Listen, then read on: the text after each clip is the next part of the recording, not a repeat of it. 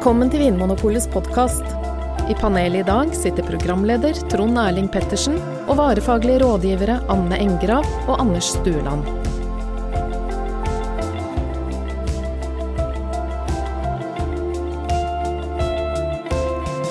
Hallo og hjertelig velkommen til Vinmonopolets podkast. Eh, og Anne, i dag har vi ikke med oss Anders, som vi vanligvis har, men vi har med en internasjonal gjest. Ja. For i dag skal vi snakke om vinfeil, hva som kan gå feil eh, i ei vinflaske. Eh, og da har vi med oss en eh, gjest som er fra New Zealand. Han er master of wine og han er ekspert på vinfeil. Så i dag skal vi grille han. ja. Uh, litt sånn i ærefrykt. faktisk. Så bra. Uh, we're honored to have you here, Sam Harrop, Master Wine. Um, and uh, as I uh, mentioned in Norwegian, you're um, an expert in wine faults. Uh, could you just, for our listeners, start by um, telling us uh, how common are wine faults, really? Well, it's a privilege to be here. Thank you very much. Uh, wine faults are a bigger issue than than most people realize.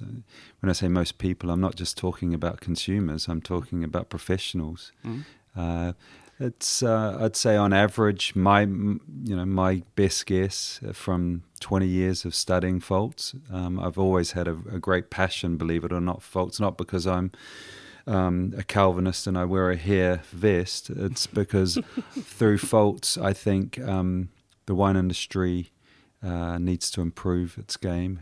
Uh, It has improved its game greatly, Mhm. and but but it's interesting because. Um, faults can also bring personality. More on that later. But Yeah. o- on average, I think to answer your question, I'd say about six percent of all wines that um, uh, hit the shelf are faulty in some capacity. Um, Wow. Whether your consumers see them as being faulty is another thing, Yeah. because obviously education is very important in that equation. Yeah, and that's what we're uh, trying to do here today. But if if we imagine, uh, Anna, uh, the billions of wine bottles made in the world and sold in the world throughout uh, a year, six six percent of them, that's quite a big number. That's millions and millions of, of wine well, bottles. Well, it's actually billions. billions. yeah. because I mean the the latest, well, the numbers I've read are 36 billion bottles are consumed every year, Yeah, which means six percent is around 2.2 billion yeah. faulty That- wines consumed. Whether they're consumed or not is a, the big question. Maybe Yeah. some of them go down the sink, but But uh, on some level, there is something wrong with uh, two billion bottles of wine yeah. in the world every year. What what market, what what product I should say, what industry um, accepts that level of fault? Uh, I can't think of any. It's No. unacceptable. But but equally, we've got to put it into perspective. Wine is a hugely subjective category. Uh, as I said already, that certain faults can actually, at the right levels, can add complexity, personality, charm to a Mhm. wine. Yeah. Uh, to me, they might be charm. To you, they may be a fault and Mm. undrinkable. So wine is subjective. We can't lose sight of that, and that's perhaps one of the reasons the percentage is uh, high, higher than in other industries and so forth. Mm. We can't get too scared about it, but there is a lot of work that um, winemakers and retailers can do to reduce faults. There's Yeah. no question, and there's a lot of work that's been going on. But how do you how do you define faulty wines? You you see it through in analysis, or do you is it a sensory perception? Well, you can look at it both ways actually, but in the most simplistic uh, definition, The six percent fault is that The six percent, from my experience, is not analytical. It's Mm. purely sensorial. I've Mhm. judged in many competitions, and Mm. one competition I judged for many, many years. I was responsible for looking at faults, and the, that was the general figure. And we were Mm. always very conservative. We would only really call a fault a fault if it was very extreme. Yeah, if it was Um, really obvious that really the wine was corked or oxidized or something like that. Yeah. Correct. But what what's also really interesting is some of those wines that went through as faults, you know, if they were re-entered, could well have won medals or trophies. Mm. That Mm. that is the fine line we're talking between Yeah. pleasure and pain. Mm. To Mhm. one man, it is pain. To the other, it is absolute pleasure, subjectivity. So. Six percent is really just it's it's a figure. It's fairly arbitrary, although it's based on a lot of empirical um, research, if you like, from my perspective, sensorially. Mm. But um, we can't get too too caught up in it. There are some faults that need to be hit on the head. There's no no question about it. One of those is cork taint. Yeah, that's probably the first wine fault that people uh, think of, and the first you're taught in in school. Uh, if you study to become a sommelier like you, uh, Anna, I guess the first thing you you got uh, taught about wine faults were cork taint. Yeah, it was the one fault I was really embarrassed if I didn't notice, because it's uh, it's the first Yeah, fault. Well, Uh, it's the first fault. It's one of the few that is black and white a Yeah. fault in anybody's language. It's Mm. pretty hard to to say, oh yeah, you know, I, I quite like cork taint. That musty, you know, for the uh, audience, um, Mm. cork taint is that. Who those who don't know is that um, musty character. If you wet, if cardboard is wet, and Yeah. then you you come back to it after a few hours, you smell that cardboard. Mm. It's it's that musty, dank character, and Yeah. it's it's pretty ugly not I've never encountered someone who enjoys that character. So it's No. black and white. It's a fault. yeah, Mm. but it sort of takes over the whole wine as well. In, in at least in some concentration, that uh, uh, the whole wine smells of damp cellar or wet cardboard instead of fruit. It just puts all the fruit uh, away in the wine, so to speak. Depends on the concentration, yeah, I of think. You know, and certain people have different thresholds to these Mm. compounds. So Yeah, f- I might um, have a, a higher threshold than you. So Yeah. uh, you might perceive a particular cork taint issue as being dramatic and Mm. destroying all of the fruit, and you can't smell anything else. But for me, it might be a little Mm. less apparent and therefore less offensive, but it's still a fault. it's the most known of the wine faults. But how big is the problem of cork taint in in the world perspective? Is is most of the six percent you you spoke about cork taint?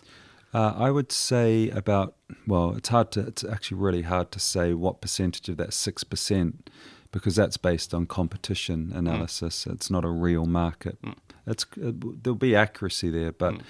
No, I think that, that roughly, it- roughly is it- speaking, fifty percent of all of the wines in the world Yeah. are bottled with natural closures. Mm. So if you take a very conservative figure of 3%, which Mm. is what I've observed, 3% of all wines sealed with natural closures have um, levels that are quite apparent. Uh, I haven't analysed these wines for TCA, but one would assume that it's above 5 nanograms, which is a fairly average figure for most of the population, I, I, I believe. Mm. So 3% of 50% of the 36 billion bottles of wine that are bought and consumed every year is quite substantial. It's about 500 million bottles Mm. of wine with an indisputable Yeah. f- uh, fault. And you spoke of TCA, which is like the, the compound responsible for this taint. It has nothing to do with bits of cork falling into the wine or uh, anything like that. It's a, it's a chemical compound that causes wine to have this musty Correct. And taint. uh, well, a lot of people think that it's linked to cheaper corks. Mm. Uh, and that uh, more expensive corks and more expensive bottles of wine Mm. uh, have a lower chance of having Mm. cork taint. Not the case. That- that's not There's, there's not no true at all. correlation. You, th- No. There's no indication that it's quality specific. I actually talked to a winemaker who said it was a very well known winemaker in Burgundy, and he had all his corks. He put them in a, before he decided to to buy the corks. He put them in, he soaked them in water, and they had blind tastings of the water. Ah, the Is that just the. That's correct. That's what thorough people, uh, wineries do. Yeah. They they analyze every batch Mm. because cork taint issues tend have tended in the past to come in batches, mm, and um, so one of the reasons in New Zealand and, and Australia, who are pioneers um, in moving as producing countries, moving away from cork taint, one of the reasons they did move away from cork, I should say, towards screw cap was primarily because they did these tests religiously and Mm. found too often mm, that many of the batches were corked. Um, you know, cork also has another issue uh, beyond cork taint, and that's oxidation. yeah. mm. Cork is a beautiful, beautiful um, product, if you like. It can It's expand natural. into the bottleneck. Yeah. It's nat- a natural product. It's natural, it's wonderful, it's beautiful, it's gr- nothing better than um, pulling a. Well, actually, I'm sounding awfully Anunnaki, aren't I? But Mhm. there are a few things better than pulling a cork out of a bottle. One I of can think of a few, drinking the wine that's in there, as long as it's not corked. and a couple of other things unrelated to wine. Quite possibly. no comment. Um, but the, the the oxidation is is an issue with this disclosure uh, because every Which is basically air getting into the wine.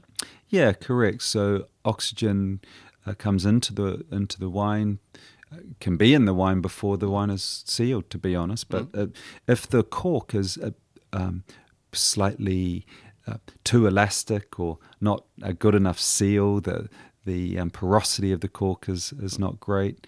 Uh, then oxygen can get in, and and the the oxygen then reacts with ions and iron metal and um, phenolics in that Mm. solution, and one can then see the the oxidation of phenolics and flavors, uh, which can rapidly degrade the wine, take from the fruit, dry the wine out, introduce a compound. We're getting very technical here Yeah. called acetaldehyde, which has the smell of almost um, overripe apples, ro- Okay. rotting apples. Yeah, like uh, almost when you take a bite of an apple and you just uh, put it aside and you let it go brown in the edges, Yes. then you can smell this. Not up here in Norway in winter because it's too cold for the Yeah. oxidized. There's a reaction that the oxidative reactions are accelerated with temperature rises. So when wines, uh, for example, another fault, which is a potential issue for all retailers, is uh, that of faults um,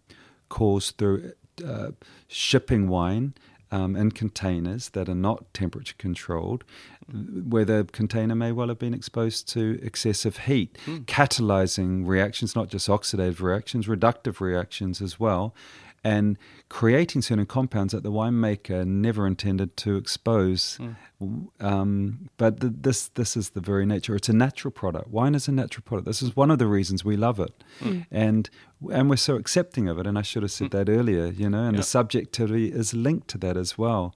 I know when I first started working at Marks and Spencer back in 1997 as a young guy, and be looking after some of the faults and so forth. One of my colleagues said, "Oh, the French, they they actually like to to see a little bit of insect life in their wines." You know, when mm. we were questioning faults, you know, foreign body matter Yeah. and in certain wines, and you know, and and oh, they were joking, but they raise a good point. You know, it's natural, and mm. actually, we should celebrate. What's natural in life? Mm. We've- Too often we celebrate synthetics, Mm, you yeah. know, and, and I think it's good. But by the way, when I say natural, I'm not referring to natural wine No, okay. which is another category, and I think it's an interesting category. But it's the fault. And my my um, impression is that the percentage of faults um, in, in natural wine are, are much higher than in conventional wine, mainstream wine. Many of the wine's stylistic qualities are built on what we know as these faulty compounds. And what kind of aromas can I smell uh, in uh, in the natural wine that you would consider faults? Okay, so acetaldehyde I've already mentioned is a classic, you know, that aptly character. They don't like to use sulfur dioxide, which is an antioxidant and an antimicrobial. So for various reasons that they don't like sulfur, so the wines tend to get a little oxidized. They don't last very long in that fresh primary state. So the acetaldehydes a classic. The volatile acidity, that is, which is a measure of ac- primarily acetic acid, which is that compound in in uh, vinegar. Okay, You so know. it actually smells a bit like vinegar from It actually smells a bit like vinegar. And actually, a lot of people around the world say, um, you know, Soms in particular say, oh, natural wine's great. It has a sweet and sour character that goes really well with food. It's a different flavor. I would challenge. Vinegar doesn't go very well with food, to be quite honest. Uh, sorry, Fish and chips. um, fish and chips, maybe, yeah. But it, it's something that you use sparingly, and and um, but anyway, the the what I'm trying to say is that um, natural wine is is a great.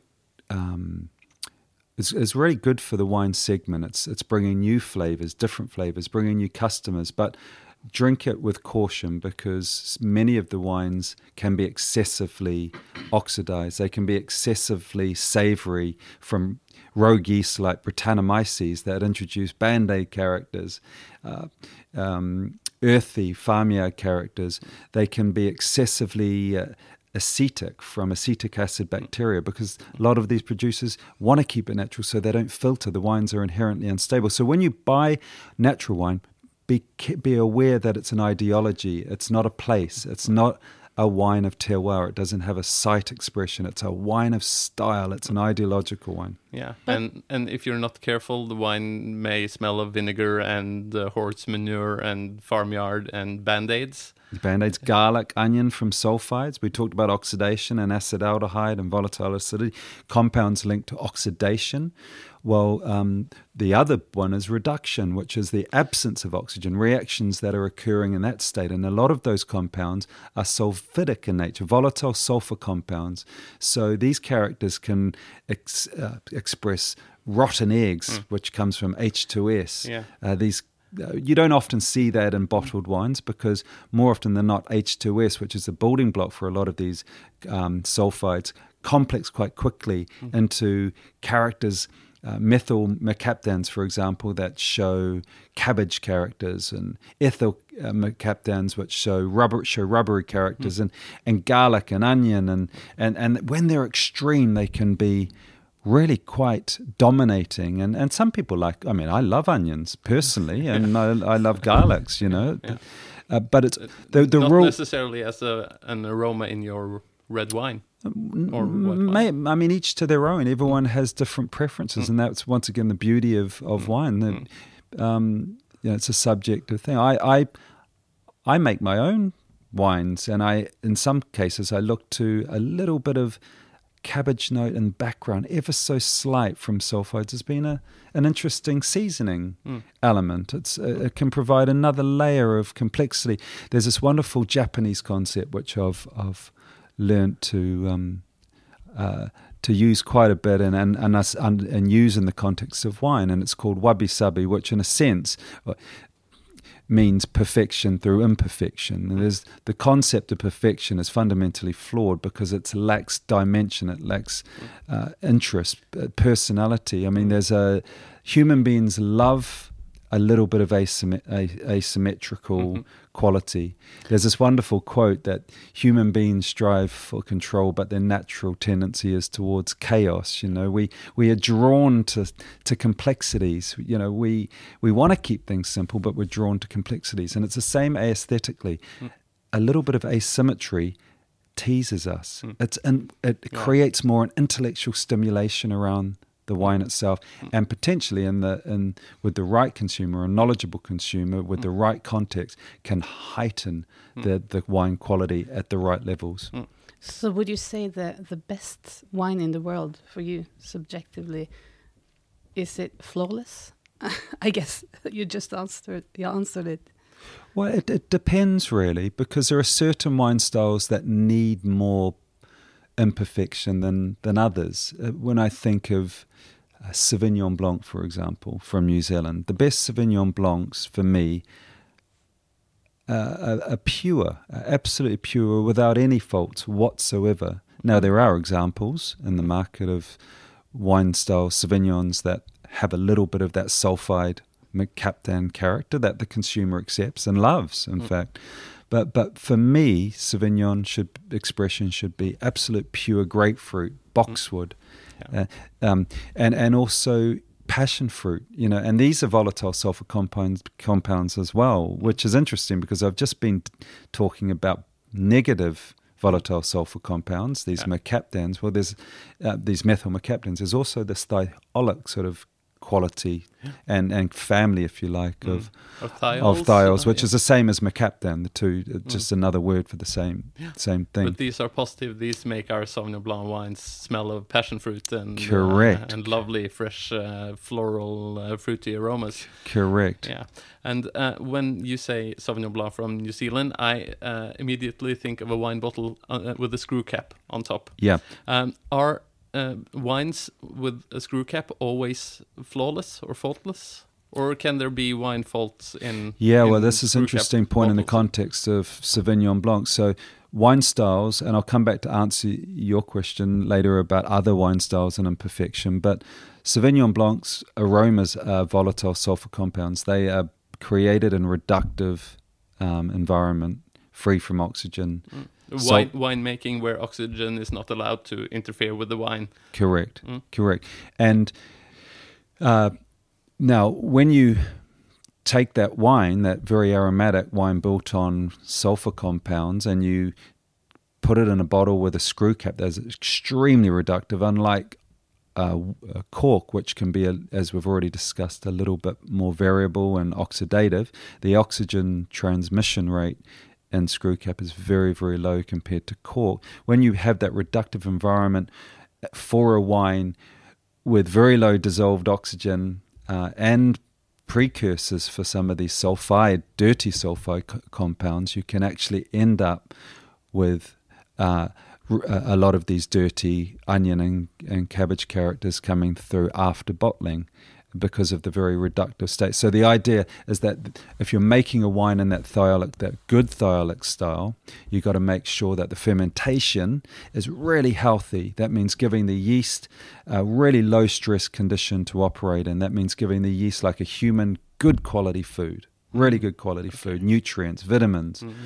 nitrogen, and the organic nitrogen, not inorganic.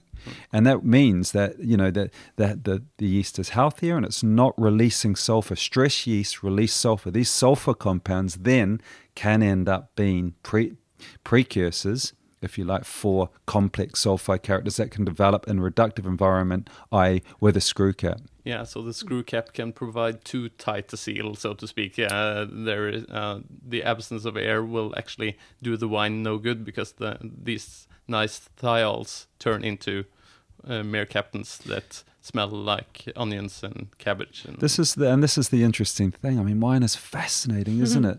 yeah. You know, you move away from cork, or some producers have moved away from cork to get away from a taint.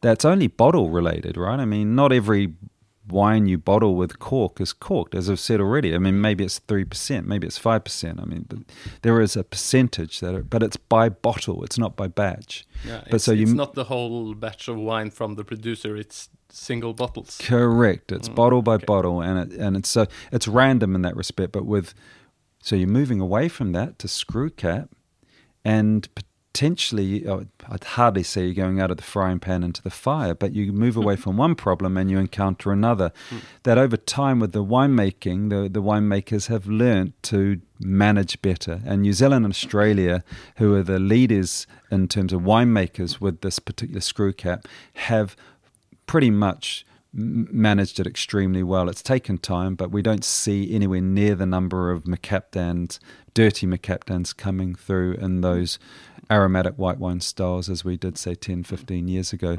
But but I, I, I worry about some of the newer countries to screw caps like France and yeah. so that they, they, they need to, and they should come visit you in New Zealand to, to learn probably yeah absolutely but give me a bit of a heads up because I'm I'm often traveling and not there they can email me but uh, there's never any TCA in the screw cap wine. No, there isn't. But it's interesting. You do see, and I've seen wines that are sealed with screw cap that show characteristics of TCA. Mm. Of Very cork, cork taint. Cork taint. Yeah. Sorry, yeah, this musty. Mm. Um, damp, dank sort of but character. Where does that come from? There's no natural cork in the bottle. There's all there's all from? sorts of sources. Uh, sources there potentially the um, barrels can be tainted. Um, yeah. The potentially the pallets that the wines are stored on can be tainted, and oh, the wine yeah, can like the wooden uh, pallets that the boxes of wine are. Yeah, and it's a similar it's a similar sort of um, creation, if you like, um, as to TCA, uh, the cork taint. The essentially there are um, chlorine and and um, phenols have a reaction and produce TCA, and and it's believed that in the context of um, cork, at least, that the the compounds, the precursors for those that cork taint comes from insecticides used on the forest between the 1950s and the 1980s, oh, and that's still in, in, in the wood. The yeah. wood then gets um, harvested, and and we start to see these compounds develop. So the same with pellets, in a sense. Same with uh, wood beam structures and wineries, certain wineries that have had certain chemicals used, for example, for fire retardants. They can be transmitted into the wine oh. um, in some capacity. It's it's slim, but it does. I mean, you don't see it very often. No. But so coming back to a question about um, screw caps and cork taint, impossible, but other musty taints from the environment can be in the wine, whether it be from the barrel. And one one area I saw which was interesting is that we, we in fact, it was with a client of mine years ago where we were bottling uh, screw cap wines. sorry, bottling with a screw cap, and we found this musty taint. Not in all of the batch.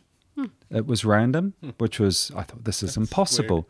And as it turned out that we were squashing the layer boards, the layer boards on the pallet of empty glass. the layer boards are cardboard or some kind of um, paper, recycled paper. Now, as they were squashed just by the bottling line, the dust the particles would go up into air. And when the bottling line would stop for whatever reason, operators decided to stop, maybe it was for lunch or whatever, um, the dust would fall into the bottle and cause a cork taint. uh, a, a cork taint type character, not cork taint, a musty taint. How some people choose to uh, make wine for a living with so much that can go wrong is actually beyond me. Anna, how are you feeling when you when you hear this you, uh, as a as a winemaker just starting? I get nervous. Uh, um, and Sam, uh, hearing you speak a while ago about uh, about the different wine faults, uh, you also mentioned some aromas that can be in wine that, uh, at least I think, are sometimes positive aromas, like uh, gunflint, like pepper, cloves, some kind of spices uh, that.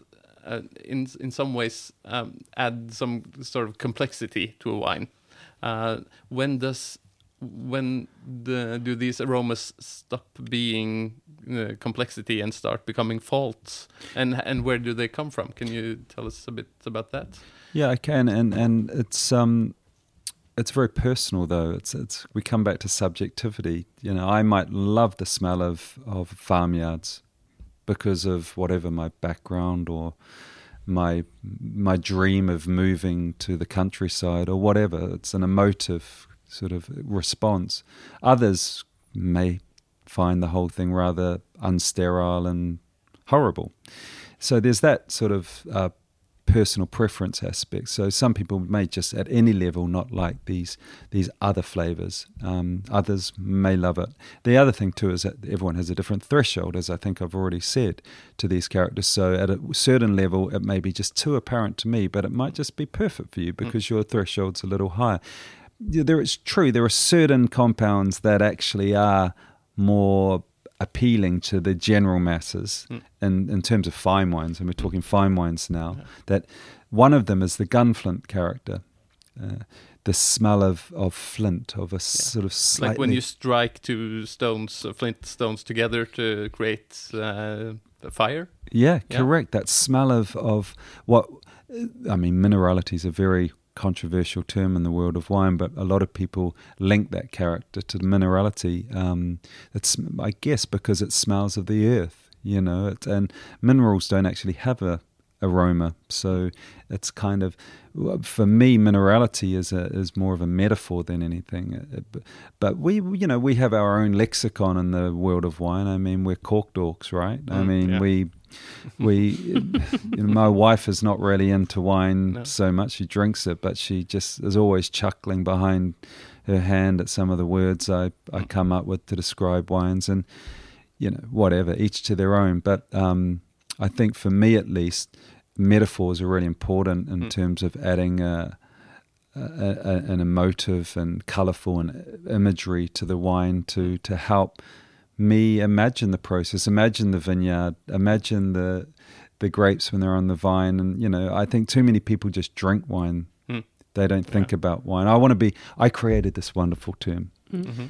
Uh, I wrote an article on my website, actually, a little article, and I, it's called winefulness, not mindfulness. Oh. You Yeah. know, too few people are um, are not mindful. They're not mindful when they Oh, drink Nice. Mhm, wine. We, we have You to know- adopt that. I think so. I mean, at the end of the day, wine, too much wine is it does not. It's not good for your health, right? I mean, we all know that. You're put ingesting essentially. I hate to say it, but you're ingesting a a poison of sorts, a toxin. Mm. So, and we love it. I mean, in moderation, it's great, and it can give great um, satisfaction. Uh, it can be a lubricant socially. It Mm. can, and it's wonderful. In moderation, it is good for society. There's no question in my Mm. mind. Mm.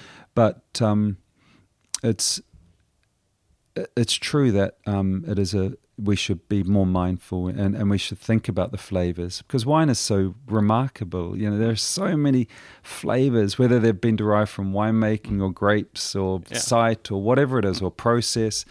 We need to study or, or try to see this the flavors. I mean, when you imagine taking a grape from a vine and a red grape and turning it into this incredible beverage that has so much flavor and density and concentration and it's dry mm. and it can age and improve with age for in some cases decades.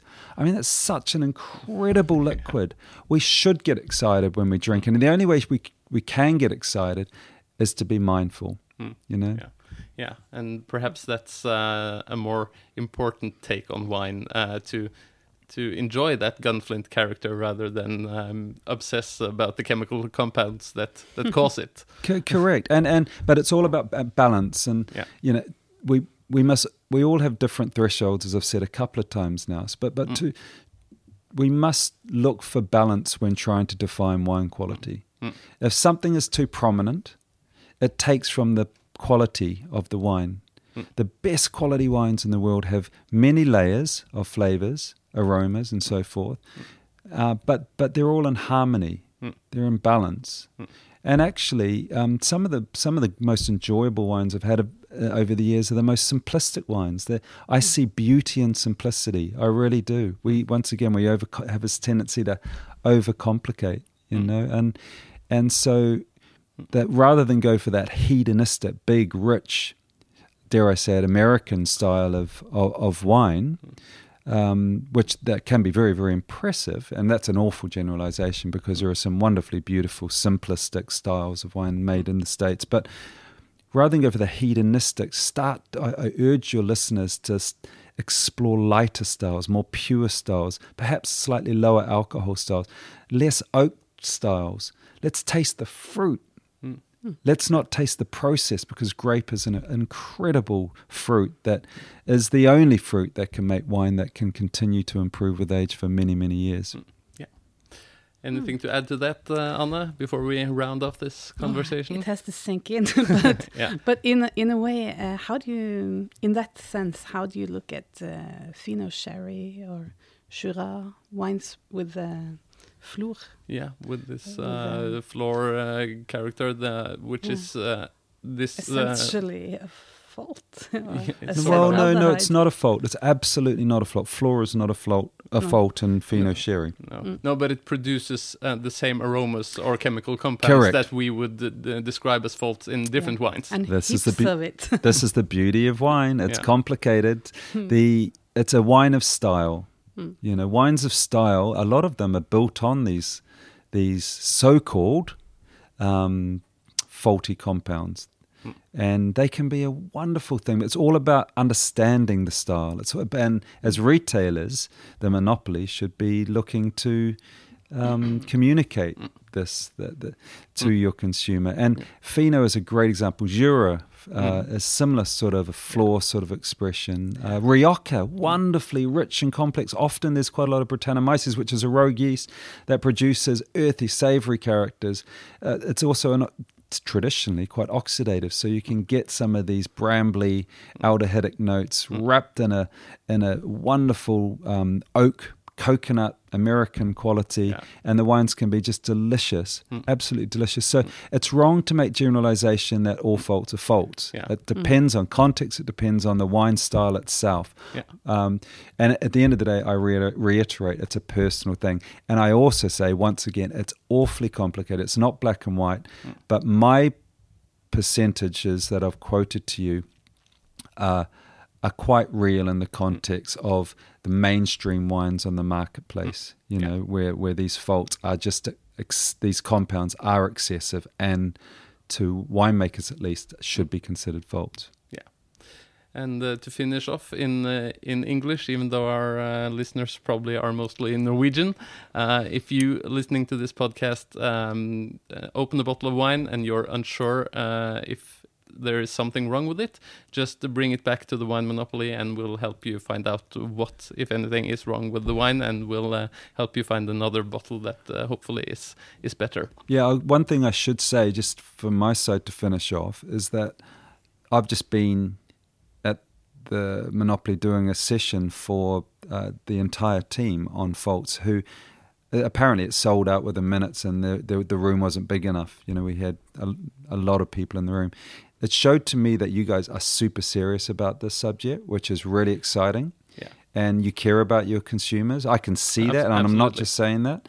And you know, I think you guys are in like a lot of the Scandinavian countries are in a great position to actually pro- produce a range of wines that have much lower percentage of faults overt faults hmm. because of your control. You hmm. are the only retailer of wine, and that gives you a huge leverage to to reduce faults and and do a better job for your customers, which at the end of the day is what you're you're employed to do. Absolutely, and uh, who we try to help a little bit by uh, by doing this podcast uh, as well to try to explain a bit about uh, uh, the faults in wine and how you can how you can discover them. And uh, thankfully you can come to the wine monopoly and uh, and uh, exchange your bottle of wine if there's something wrong with it. Thank you so much for your kind words and uh, for your uh, insights here today, uh, Sam Harrop, Master of Wine.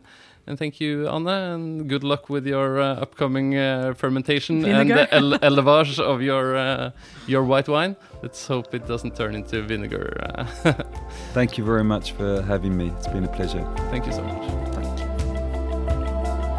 Takk for at du hører på Vinmonopolets podkast. Har du forslag til et tema i podkasten? Send mail til podkast at vinmonopolet.no. I tillegg svarer kundesenteret deg på e-post, chat og telefon.